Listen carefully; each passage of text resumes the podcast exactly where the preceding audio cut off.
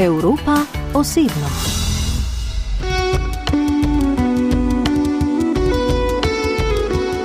Eriko Ojakava je mlada perujka, ki zadnji dve leti živi v Sloveniji.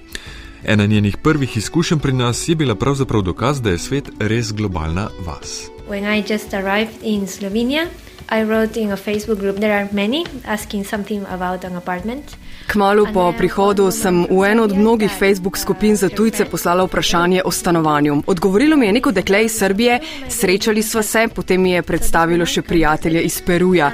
Ker je bilo v času COVID-a, smo se dobili prek Zuma, pozdravila sem živja, jaz sem Eri in z druge strani se je oglasil ta fant. Eri, Eri, like this, like, like, like he, he recognized me and I was looking at him, I was like, Spraševala sem se, kako ve moje ime, potem sem še enkrat pogledala sliko in ga spoznala. Kakšne so možnosti, da srečaš znanca na drugem koncu sveta v Sloveniji? Morda v kakšni večji državi, ampak jaz sem ga našla tukaj.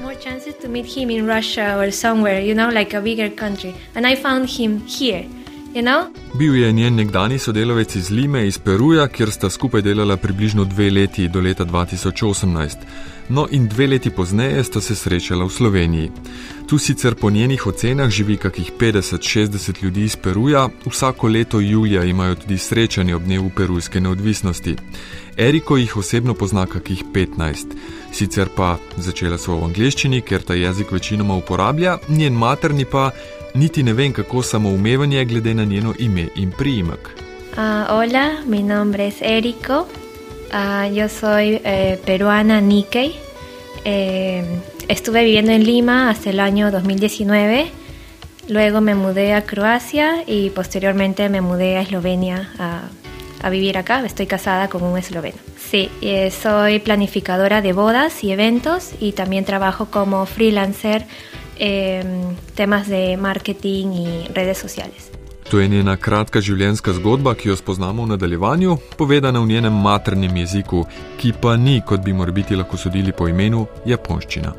Yeah, it is not. It's Spanish. I said in Spanish that I am Peruvian Nikkei. So Nikkei it's a person that Ne, ni japonščina, ampak španščina. Povedala sem, da sem perujska Nikkei, eh, torej perujska japonka, potomka japonskih emigrantov, četrta generacija.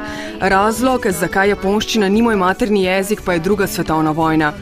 Japonce so v Peruju takrat preganjali, velik del so jih odpeljali v taborišče v Združene države Amerike, eden od obrambnih mehanizmov skupnosti pa je bil tudi ta, da se ni govorilo japonsko.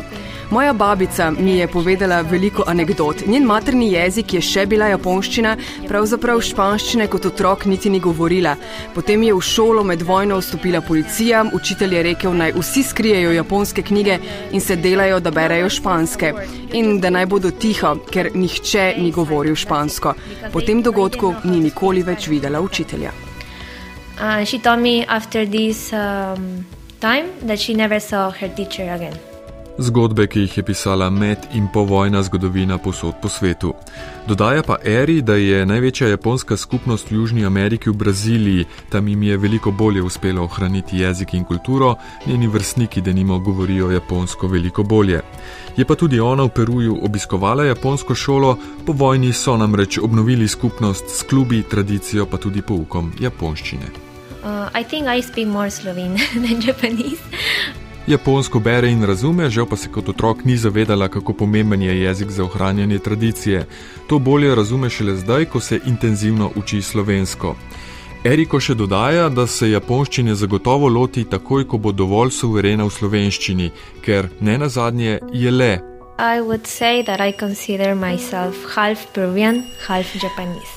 Težko vprašanje, kaj sem. Rekla bi, da se imam za pol perujko in pol japonko. Ko tudi nimo srečam ljudi iz Latinske Amerike, se takoj razumemo. Imamo podoben pogled na svet, na glasbo. To je moja latinska identiteta. Ampak hkrati čutim, da je moje bistvo tudi japonsko. Čeprav se dobro počutim znotraj latinske skupnosti, se vseeno počutim bolj introvertirana. Ne vem, kako to bolje razložiti. Ljudje, ki me poznajo, vedo, o čem govorim. I think people that know me would they understand a bit this duality that I have. V Evropi, glede na njen izgled, težko uganemo, z katerega dela sveta Eriko prihaja. Čeprav je iz Peruja, pa je njeno družinsko drevo zadnje štiri generacije popolnoma japonsko. In morda bo prav ona prva prekinila s to tradicijo. Yes, I, yeah, probably. Um, I have a few aunts or uncles that married uh, Peruvian. Yes. Ja, verjetno. Imam sicer nekaj stricev in tet, ki so se poročili s perujci, a to je bilo znotraj japonske skupnosti še generacijo pred mano zelo slabo sprejeto. Ampak tudi mnogi moji vrstniki še vedno razmišljajo na način, da morajo ohraniti to tradicijo in se poročiti znotraj japonske skupnosti. Generacija mojih staršev sicer ni imela kakšne prepovedi, ampak ni pa bilo to dobro sprejeto. Preprosto so te nagnali od doma. Denimo, sestra moje babice se je poročila s perujcem in oče jo je nagnal iz hiše. Njena mama je potem brez vedenja očeta kuhala za njo in otroke in jim skrivoma nosila hrano, ker so živeli res slabo. Sestra mojega detka pa se je poročila s Kitajcem, tudi njo je oče nagnal od doma, njena družina se je potem preselila v Združene države Amerike.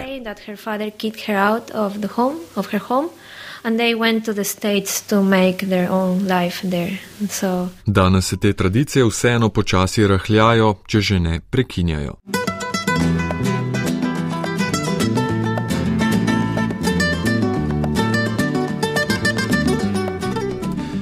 Še enkrat se zdaj vračamo na začetek slovenske poti naše gostje Eriko Ojakava. Eriko, mimo grede, nima nobene povezave z našim imenom Erika, je japonsko žensko ime, ki ga sama v izogib zapletom s polom zaradi oja na koncu največkrat skrajša kar v Eri. Skratka, Eri najprej ni prišla v Slovenijo, ampak na Hrvaško.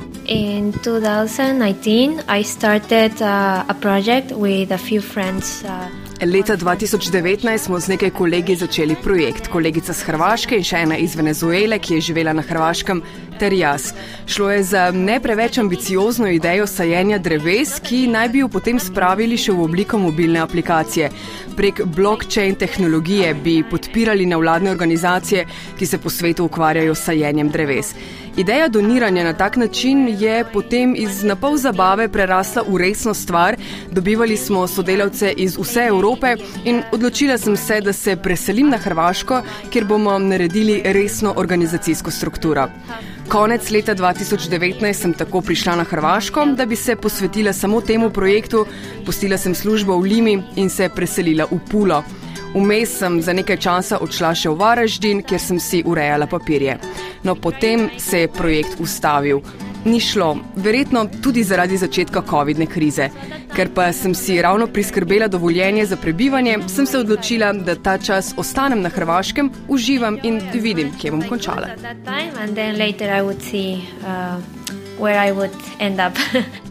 In končala je v naši Evropi osebno. V času, ko je prebivala v Puli, je namreč spoznala fanta iz Slovenije, se z njim na zadnje poročila in pristala v Ljubljani.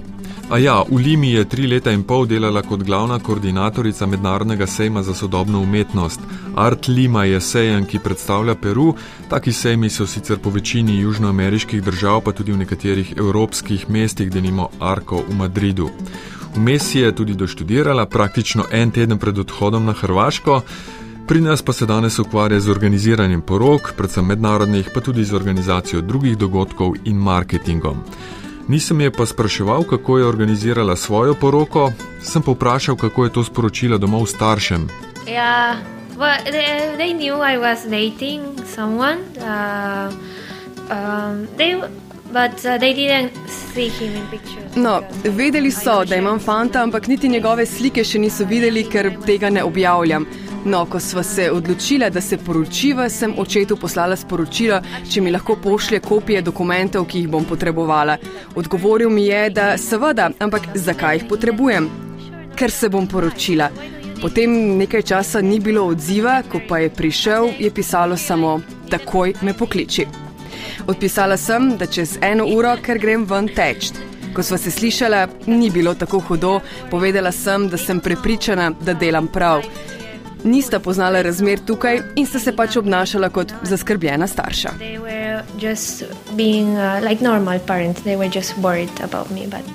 Eriko Ojakava pravi, da je vedno delovala tako, ko se je pokazala priložnost, je pač tvegala, če se je sešlo, se je, drugače se pač ni. Podobno kot selitvijo na Hrvaško. Učenje iz izkušenj pravi temu. In kakšne so bile njene prve izkušnje tukaj? Before moving to Croatia, I was traveling a lot in Spain and Portugal. But, uh, Preden sem prišla na Hrvaško, sem veliko potovala po Španiji in Portugalskem. Tam nisem imela kakega občutka, da je zelo drugače. Kulturni šok sem doživela, ko sem prišla na Hrvaško in potem v Slovenijo. Prva zelo čudna stvar je bila, ko sem naročila kavo in mi je na takar takoj prinesel tudi račun. Zdelo se mi je žaljivo, kot da me odganja. Potem, predvsem v Ljubljani, so se mi zdeli ljudje veliko bolj zadržani. Težko sem se navadila na to, da se tu ljudje ne objemajo. Mi se srečamo in se objamemo, se poslovimo in se objamemo.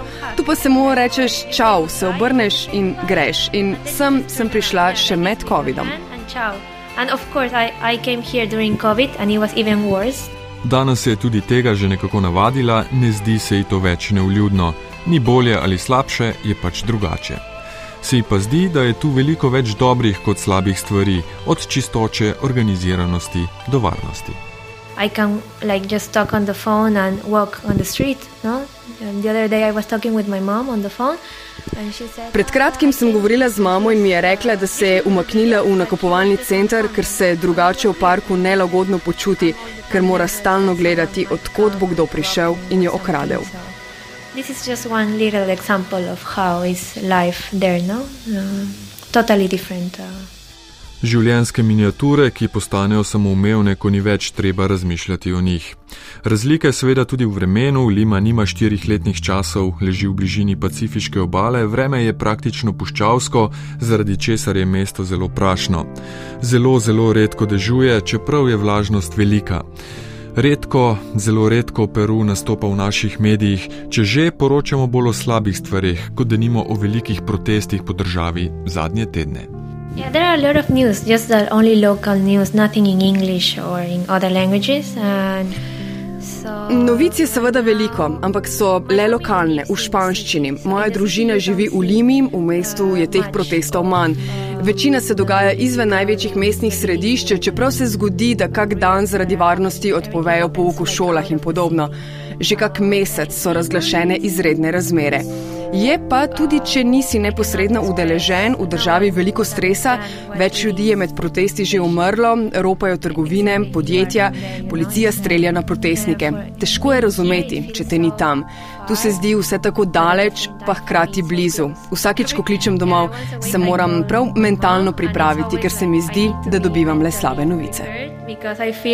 Only, there are only bad news to tell from Peru in general, no? Perujska družba je globoko razdeljena na dva skrajna pola, ki se niti ne poskušata razumeti, dodaja Eri. Drugače pa, kar se tiče politične situacije tam, morda se kdo spomni predsednika iz 90-ih, ki je na volitvah celo premagal perujskega Nobelovca Vargasa Ljoso, tako kot Eriko Ojakava je bil tudi on perujski Nikkei, Alberto Fujimori. Yes, most probably he is, uh, uh, well, he is now in jail. Ja, verjetno najbolj znan japonski perujec, eh, ki pa je že od leta 2009 v Ječi. To, da je bil on predsednik, ni japonski skupnosti prinesel nič dobrega, ravno nasprotno. Sicer je uspel umiriti terorizem v državi, ampak hkrati se je takrat razpasla korupcija. Mama mi je pripovedovala, da so jo po ulici zmerjali, da je čino kočino, umazana Kitajka. Vsem Azijcem, pravijo Kitajci. To je bil čas, po katerem smo se morali še bolj umakniti v ozadje in se ne izpostavljati. Not to be too loud, not to do anything that would call the attention. Ampak tudi Fujimori je le del perujske nestabilnosti, samo v zadnjih petih letih so imeli kar pet različnih predsednikov, kar je težko razumeti, ker so težave res kompleksne, a so perujci tega hkrati že nekoliko vajeni. Evropa je vseeno veliko bolj stabilna, čista in predvidljiva, pravi Eri, in vse je veliko bliže, kar je tudi prednost. Tako preden si pomahamo brez objema, ker tega v Sloveniji ne delamo, še to, kaj perujskega more biti poznamo Slovenci. Ne vem, mislim, da samo Machu Picchu je uh, najbolj znan uh, atrakcija. včasih ljudje ne vejo, da, go, da govorimo uh, špansko tam. Oni so radovedni, uh, kako je uh, življenje tam. Uh, tudi uh, uh, vprašajo o uh, hranah, um, ker je uh, v Peruju hrana je zelo okusna in imamo veliko um, različnost. Uh, ampak uh, hrana v Peruju je najboljša v svetu. Seveda, seviče in pijača pisko. Naša perujska gostja Eriko Ojakava, ki že govori tudi slovensko, kot slišimo, se je težko navadila na našo slovensko hrano. In če bi že morala omeniti kakšno, pa je to. Uh, I have been eating a lot of jota lately, but I wouldn't say, I don't know if it's my favorite. Veliko jote je zadnje čase, ne ve pa, ali ji lahko reče najljubša slovenska hrana. Evropa osebno.